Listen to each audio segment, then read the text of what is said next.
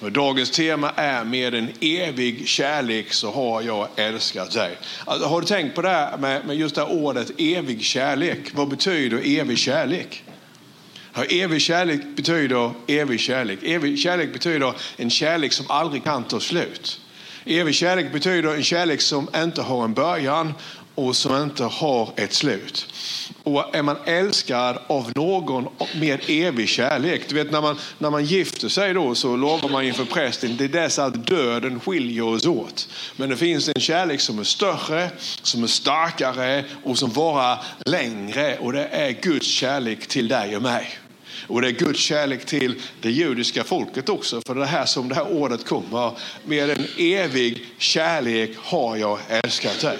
Och när du och jag då kommer till Jesus och kommer in i Gud, kommer in i hans församling. Då så blir du utsatt för den kärleken. Och du vet den här kärleken den har inga gränser. Den här kärleken den ser inga hinder, den ser inga stängda dörrar. Utan den här kärleken den ser bara möjligheter. Så tänk dig att vara älskad med en kärlek som är evig och som inte ser några hinder, som bara ser möjligheter. Det är Guds kärlek till dig och mig. Så att, eh, nu är vi ju som vi är här med pandemin och säger, jag vet inte vad man får göra och inte göra, men kan du så kan du väl vända dig om till din granne och säga, känn dig älskad. För, det är så va, om ingen annan älskar dig så älskar Gud dig och Gud han älskar dig mer än evig kärlek. Kan du tänka dig att när vi är samlade här nu då, så finns det e- en energi i andrymden. Det finns en energi som vi inte kan se. Det finns en energi av kärlek.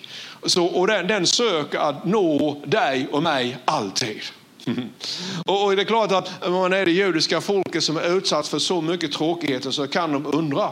Men det står också så här i Hesekiel när det gäller att han har utvalt dem som ett särskilt folk. För några tror ju att de inte är det längre. Men då står det så här i Sekel också. Va?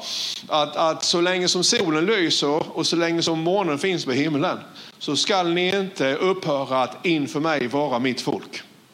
Så att eh, Gud han har någonting att göra med det i Israel. Och jag kommer till att återkomma till det lite längre fram. Nu ska vi gå in och läsa ett ord, ett år ifrån, från Gamla Testamentet. Och I Gamla Testamentet fanns det en profet, profet som heter Daniel. Och, och den här versen den är fantastisk. Och just i vår tid också. Och då står det här va, i vers 20 så står det, säger han, han liksom, det här är 2500 år sedan, 2600 år sedan. Så säger han, lovat är Guds namn. Från evighet till evighet. Alltså Gud han är från evighet till evighet. Och mellan, titta här, Gud är från evighet till evighet. Först är evigheten. Sen börjar Gud skapa och när Gud han skapar himmel och jord då börjar klockorna ticka. Tick, tack, tick, tack, tick, tack. Det har vi under mänskliga historien. Sen kommer vi in i evigheten och då slutar tiden förmodligen, det vet vi inte, men då går vi in i evigheten igen. Men du och jag vi rör oss mellan evigheterna därför att Gud han är från evighet till evighet och nu är vi här där vi är. Lovat är Guds namn från evighet till evighet för vishet och makt tillhör honom. Och nu kommer det här. Han låter tider och stunder skifta. Vilket innebär alltså att Gud han har inte övergett människan. Han har inte övergett världen. Oavsett hur vi tycker att det ser ut så finns han där och han låter tider och stunder skifta. Han, han insätter epoker, han tar bort epoker. Alltså, förstår ni? Alltså, när saker och ting sker så finns Gud i det som sker. Och han låter tider och stunder skifta. Helt plötsligt då så förändras hela världen. Helt plötsligt så förändras en världsdel. Varför det då? Därför att Gud är där. Gud låter tider och stunder skifta. Alltså ni som är lite äldre som är med i gudstjänsten idag, ni har ju varit med och sett hur hela, hela, hela Europa, hela västvärlden har, har gått från att, ja, jag såg något gammalt foto här vid nu nere från Listerlandet, det är inte så jättelänge sedan, men det var häst och vagn som man plöjde med. Det är inte så länge sedan man plöjde med häst och vagn. Och det gjorde man inte som en hobby, utan det var ett jordbruk. Och idag då så är allting så moderniserat. Och vad är det här? Jo, tider och stunder skiftar. Och så står det det här, va? det här är det bästa. Han avsätter kungar och han tillsätter kungar. Alltså han avsätter premiärministrar, han tillsätter premiärministrar. Han avsätter presidenter, han tillsätter presidenter. Så det är så att det finns ingen premiärminister i världen som sitter säker. Alltså de kan omge sig med världens bästa säkerhetstjänst. Men det finns ingen säkerhetstjänst som kan skydda dig för Gud. Som Gud han bestämmer sig för att avsätta en president så gör han det. Han kan göra det på olika sätt. Herodes mage sprack, jag vill inte gå mer in på det. Ja, det var ingenting att skratta åt helt enkelt. Men förstår ni vad jag menar? Alltså han kan gripa in på olika sätt, Gud. Så att vi vet det var att han tillsätter ledare och han avsätter ledare. Så att i det hemska som sker i världen idag så finns ändå Gud. Gud har inte övergett varken Ukraina eller Ryssland. Även om du och jag kanske inte kan förstå det som händer, för det kan inte jag göra. Och då står det i Bibeln att Guds tankar är så mycket högre än våra tankar som himlen är hög över jorden. Men vi, vi får tro på att Gud finns här vid någonstans i alla fall. Mm. Och då vill jag bara säga det här med alltså att jag har skrivit här nu, Kiev, Moskva. Varför har du skrivit det Tommy? Jo, därför att människan förnekar sig ju aldrig. Från Kiev till Moskva så är det 80 mil. Så det är ganska så nära. I Ukraina så talar man ryska. Från eh, ukrainska gränsen till Moskva så är det 55 mil.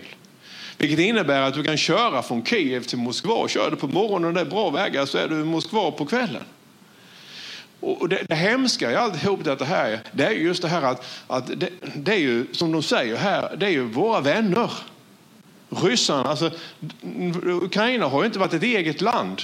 Utan det är först efter det att Sovjetunionen föll samman som Ukraina blev en egen nation. Det har alltid varit en del av Ryssland. Och det är därför som, som man inte kan förstå här vid, alltså då, när det gäller den rysk-ortodoxa kyrkan.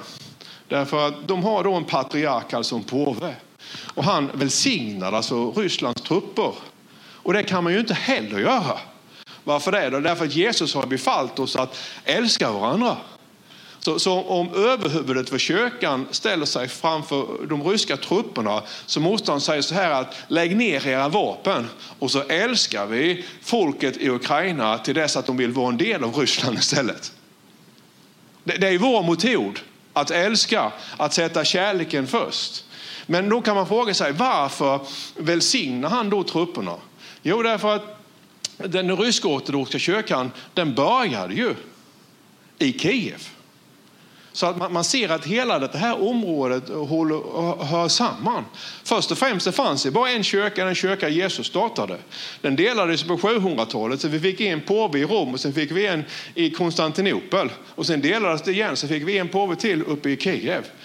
Så, så, att den första kyrkan, den stora kyrkan i hela det här området, den utgår från Kiev. Så all, alltihop det här håller på något sätt sam, det hänger samman. Men sen har man det här med människans hjärta. Det står att, i Bibeln att människans hjärta är ont sedan ungdomen. Och det är det som är det, det farliga med krig. Därför att vi förstår inte riktigt hur ond en människa kan bli. Eller vad är det som gör? För när man släpper loss krigets krafter, då gör människor saker och ting emot varandra som man inte kan fatta. Vi har ju sett Jugoslavien till exempel för många, många år sedan nu, hur, hur människor ändå som levde i samma land, man hade OS i Sapporo, började kriga och man gjorde fasansfulla saker emot varandra. Och det här finns härvid trots att man är grannar, trots att man har kusiner och nästkusiner på bägge sidor gränserna. Så när kriget och, och liksom dödens häst börjar rida, då vet man aldrig var det kan sluta. Och därför så måste vi be varje dag för att Guds kärlek tar över istället. Och sen får vi ropa till hand som kan låta tider och stunder skifta. Han som tillsätter och avsätter ledare. Så om det krävs så får han avsätta de ledare som måste bort. Men sen finns det en dimension till om jag får nästa bild. Daniel han ser också här vid då så säger han, jag såg en syn om natten. Hmm. Eh, hur himmelens fyra vindar rörde upp det stora havet. Och fyra stora djur steg upp på havet. Det ena inte likt andra. Det första liknade ett lejon, man hade vingar som en örn. Och medan jag betraktade det så rycktes vingarna av från djuret. Och det restes upp på jorden och stod på två fötter som en människa. Och det fick ett mänskligt hjärta.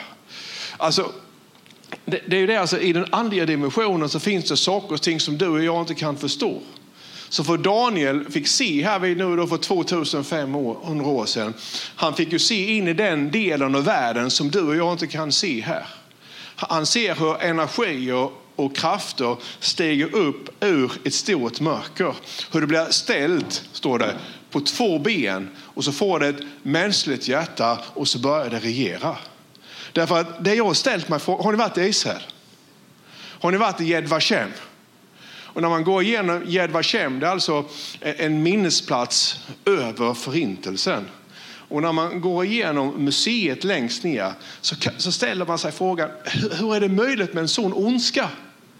Alltså, alltså den ondska som man ser där, industriell avrättning av judarna, den ondskan är ju så omfattande och den är så djup som man tänker att så här ond kan inte en människa bli. Kan människor göra så här ont emot varandra? Och sen så ger ju då Biblos en förklaring bakom också.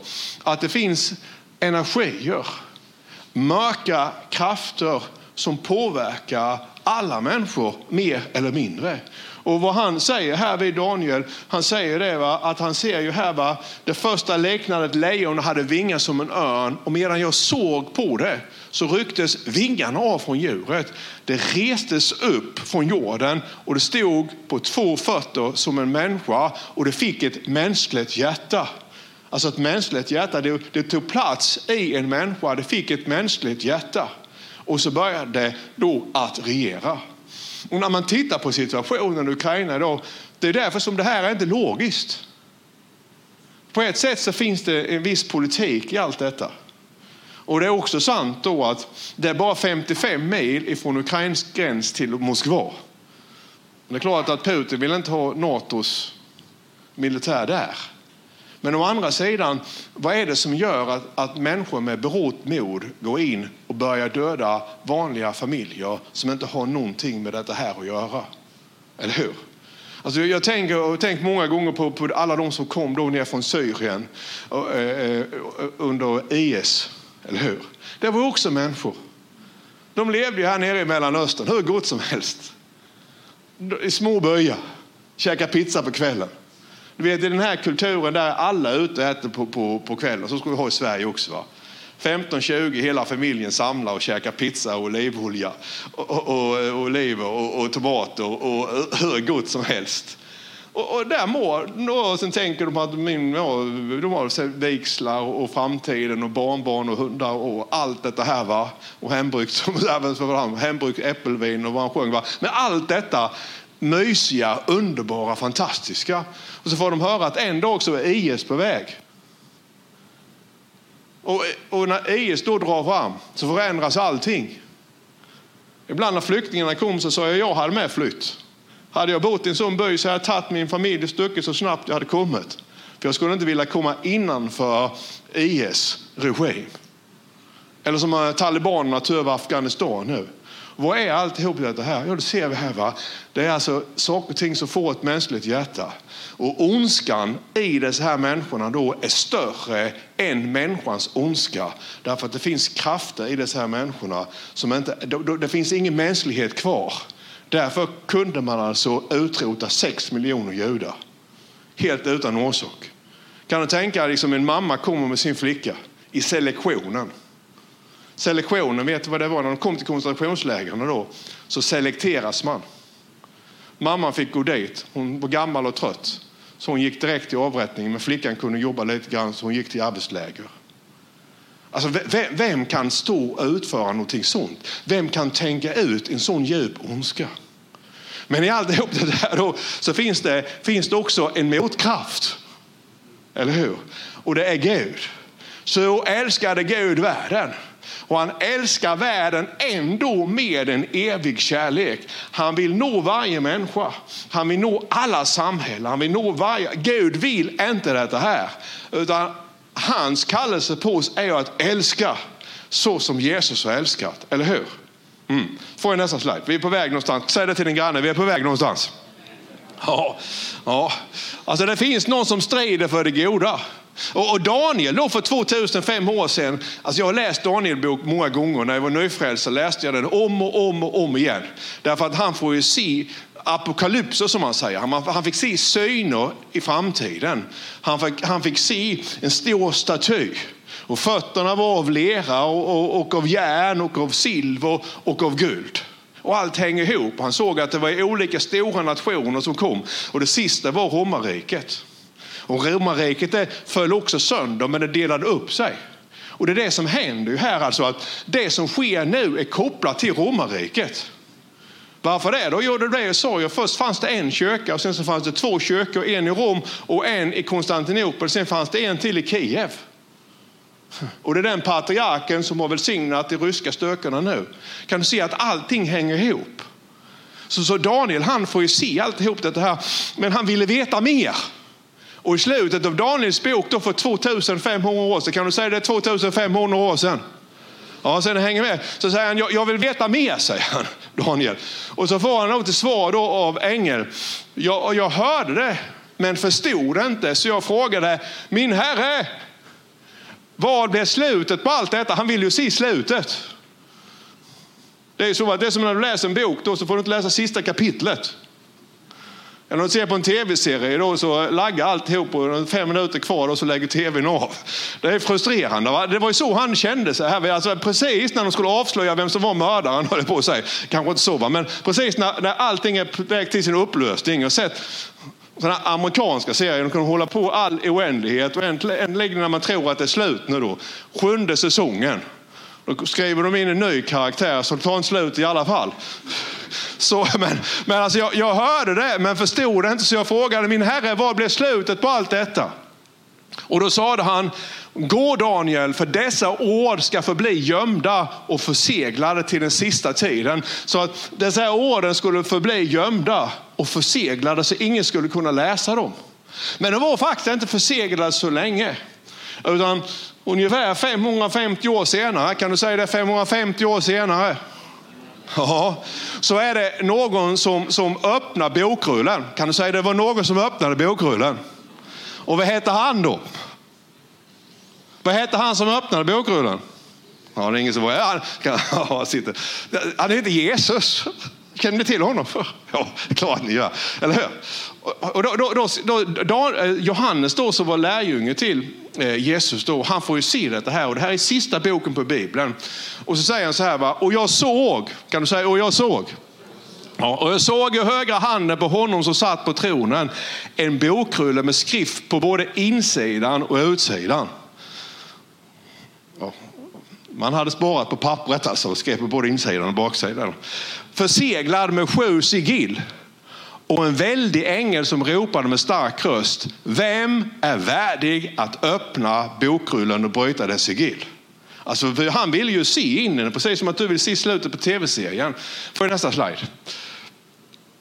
Men ingen i himlen eller på jorden eller under jorden, alltså mycket märkligt, ingen i himlen, på jorden eller under jorden kunde öppna bokrullen eller se in i den.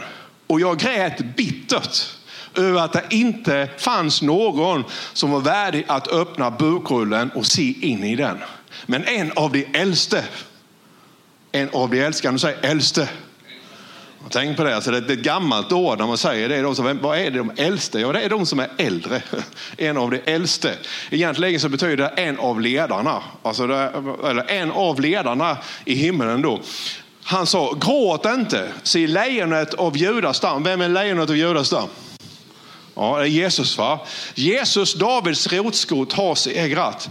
Han kan öppna bokrullen och dess sju sigill. Så den här, den här boken då som stängdes under Daniels tid, vem är det som öppnar den? Jo, Jesus han öppnar den. Och då låter han få veta vad det är som ska hända. Och nu kommer några tuffa saker då. Men då vill jag att ni ska tänka så här. När, när, när Uppenbarelseboken skrivs, eller hela Bibeln egentligen, den är skriven på ett sådant sätt så att människor alltid ska kunna förstå dess innebörd.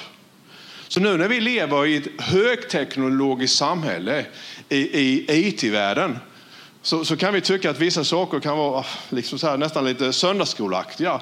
Men alltså, budskapet i Bibeln kan alla förstå. Så att när Jesus nu börjar tala om fyra hästar, så om jag skulle predika det här när jag besöker urbefolkningen i Afrika så skulle de förstå direkt vad jag menar.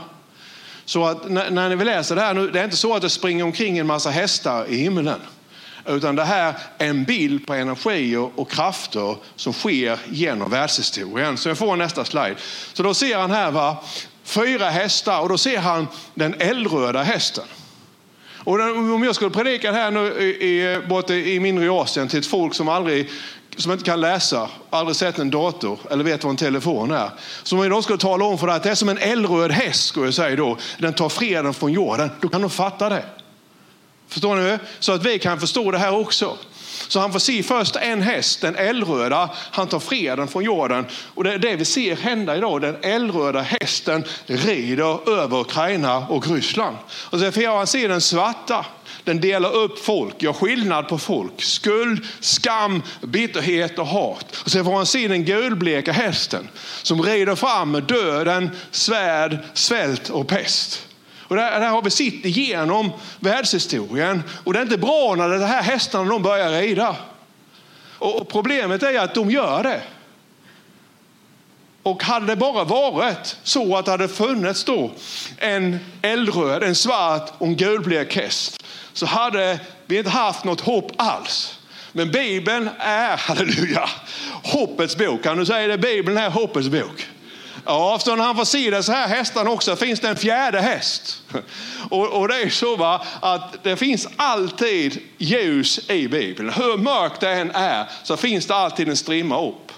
Hur alltså, saker än liksom på något sätt har, ja, hur vad man nu ska säga, va, så finns det alltid någonting som, som ger oss hoppet om att saker och ting kan vända. Därför att det finns en fjärde häst och det är den vita hästen. Så att det är inte på det här sättet när vi tittar på Ukraina och Ryssland idag. Så är det inte så att det bara är en gulblek häst som springer där borta. Det är inte bara en röd häst som springer där borta. Utan en vit häst också. Och vem sitter på den vita hästen då? Ja, han som sitter på den vita hästen, han är trofast och sann och han dömer och strider i rättfärdighet. Det, det, det, det, är inte så att, att allt där borta är lämnat åt sig själv, därför att det finns krafter som försöker att hålla ondskan tillbaka. Nu tror jag inte att Jesus red omkring på en häst där borta, men det här är för att alla folk genom alla kulturer ska kunna förstå detta här.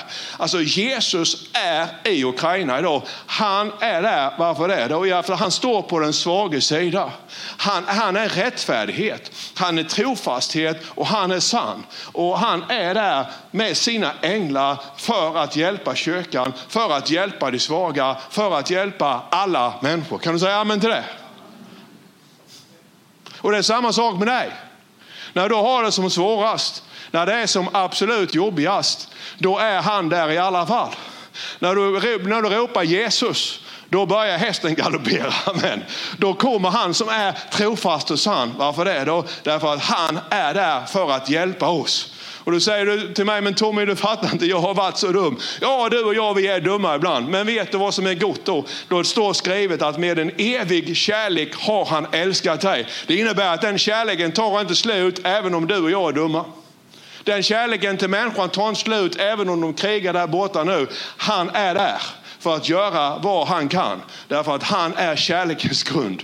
Och han älskar dig och han älskar mig. Och han är här tillsammans med oss idag. Amen. Kära Gud. Får jag nästa slide? Mm. Norr om Israel ligger Moskva. Kan, kan, vi ta det här? Det blir lite grann en historielektion idag, men, men Gud han är ju historien. Mm. Kan du säga det? Norr om Israel ligger Moskva. Ja, för det här är väldigt, väldigt aktuellt. Han som tillsätter och avsätter. Då står det så här i Jesaja 43. Jag ska hämta dina barn från öster och samla dig från väster. Jag ska säga till länderna i Norge hit och till södern, håll dem inte tillbaka. För hit mina söner fjärran ifrån och mina döttrar från jordens ände. Var och en som är uppkallad efter mitt namn och som jag har skapat till min ära, som jag har format och gjort. Vilka är det han talar om här nu? Han talar om judarna. Alltså bara, bara en kort, kort tillbakablick. Alltså, år 135, det är nästan 2000 år sedan så fördrevs judarna från Israel. Och först då så fördrevs de till runt omkring Medelhavet. Och sedan fördrevs de vidare upp till norra Europa, till England. Sedan fördrevs de till Spanien, 1500-talet. Sen kom inkvisitionen. Sedan fördrevs de över till USA. Till slut så fanns det judar över hela världen. Och det står också i gamla testamentet att, att de ska skingras till, judens, eller till jordens fyra hörn. Men så finns det också ett löfte. Och löftet är att han ska hämta dem tillbaka. Så är det han ska hämta dem tillbaka. Ja, och det gjorde han också. Och kan du tänka dig att, att, att, Israel, har inte, vi, vi kristna tänker inte så, men Israel fanns ju inte på nästan 2000 år. Eller fanns inte på 2000 år. Alltså det fanns inte så, som, som, som en suverän nation så fanns det inte på nästan 2500 år. Och då står det, kan något så underbart hända som en nation kan födas på en enda dag? Ja, 14 maj 1948, alltså, alltså Gud han, han förde folket tillbaka in i landet. Och 1948 då så föds staten Israel. Jag kan inte gå in på hela den, den grejen nu, men bara det är ett mirakel som visar att Gud han finns i historien, eller hur? Och det här såg ju Daniel också. Daniel såg ju att Jerusalem skulle återupprättas. Men i alla fall, norr om Jerusalem så ligger Moskva. Och saken var ju den att han, skulle, han ska samla alla judarna tillbaka till Israel. Men Sovjetunionen fanns ju. Och Sovjetunionen hade stängt sina gränser.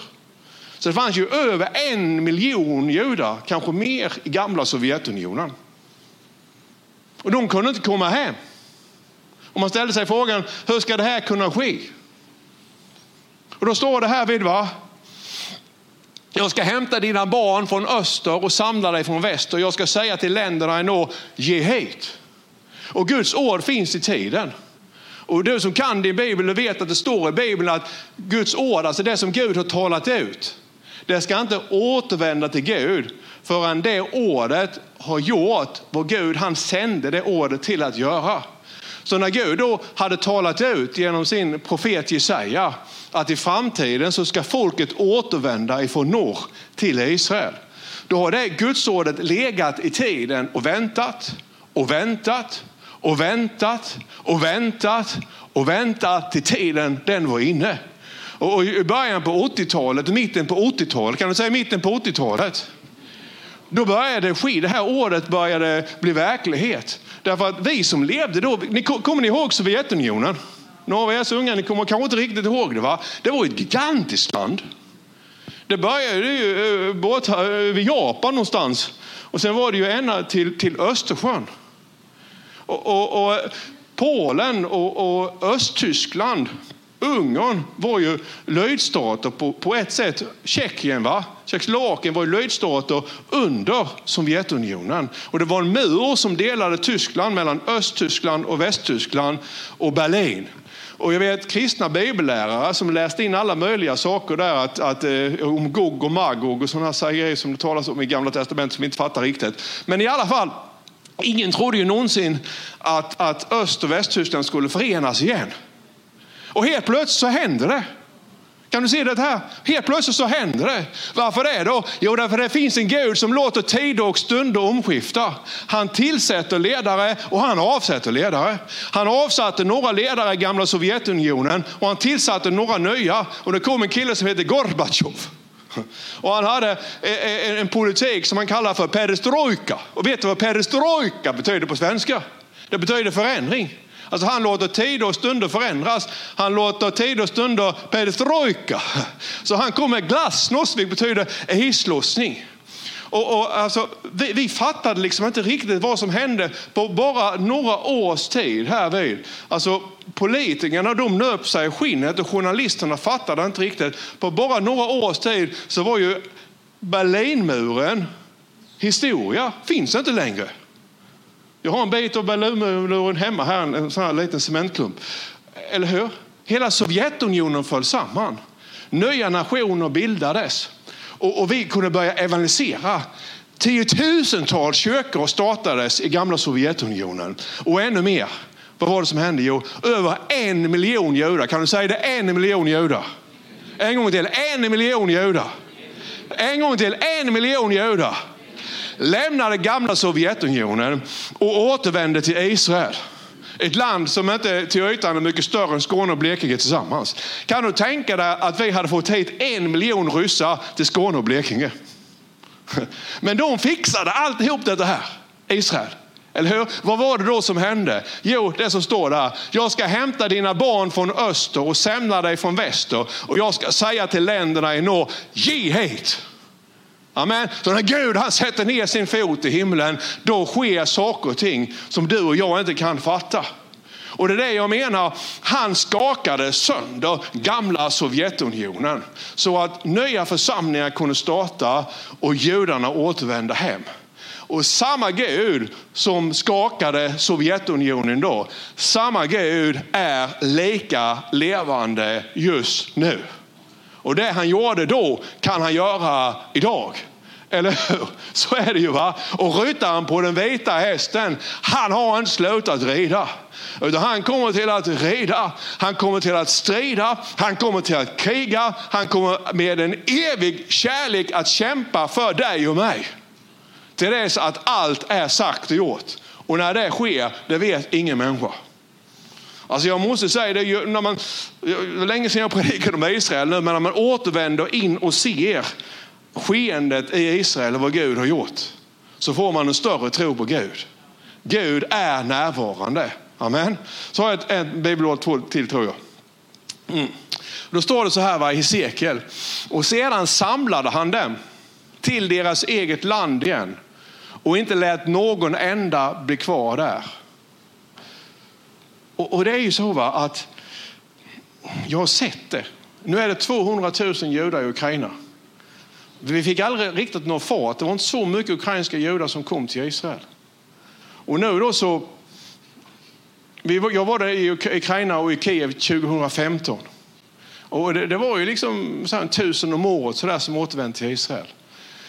Det finns en plan i Gud att ingen ska behöva vara kvar. Utan alla judar som vill ska kunna återvända till Israel. Kan du se det här? Ja. Och, och nu då så har ju judarna flytt då från östra Ukraina till västra Ukraina. Och vi, vi vill ju hjälpa alla. Det, det är inte så, va? men alla kan inte hjälpa alla. Hade vi kunnat så hade vi hjälpt andra grupper i Ukraina. Men just nu då så hjälper vi det judiska folket. De kan inte flygas hem nu. Men vi kan försöka ta dem över gränsen. Det finns ansamlingsläger nu, judiska ansamlingsgränser, för att få dem hem. Därför att Gud har en plan att, att alla judar ska få möjligheten att återvända till Israel. Men när jag bad här i veckan också så fick jag det här psalm 37 till mig att jag skulle läsa den flera, flera gånger. Och då står det så här va, att jag såg en gudlös tyrann. Han bredde ut sig som ett frimodigt rotat träd. Men han försvann och nu är han borta. Jag sökte honom men han fanns, finns, fanns inte. Så många tyranner har genom genom årens lopp försökt att utrota Israel. De finns inte längre, men Israel finns. Eller hur? Så många tyranner har försökt att utrota den levande, på nyttfödda kyrkan som vill tjäna Jesus. Tyrannerna finns inte längre, men ja, kyrkan lever kvar. Någon sa så här att Jesus är under attack. Ja, Jesus har alltid varit under attack. Från den stunden han föddes så har Jesus varit under attack. Men han fortsätter ändå rida på den vita hästen. Och han är konungarnas konung och han är herrarnas herre. Han är segraren. Så vi tror på Jesus på något sätt. Han, han drar igenom världshistorien för att hans plan och syfte den ska ske. Judarna ska komma tillbaka och budskapet om Jesus ska nå ut till alla folk. Och sen kommer en tid framöver så vi inte riktigt kan fatta vad det är för någonting. Men så är det, vi litar på Gud. Halleluja.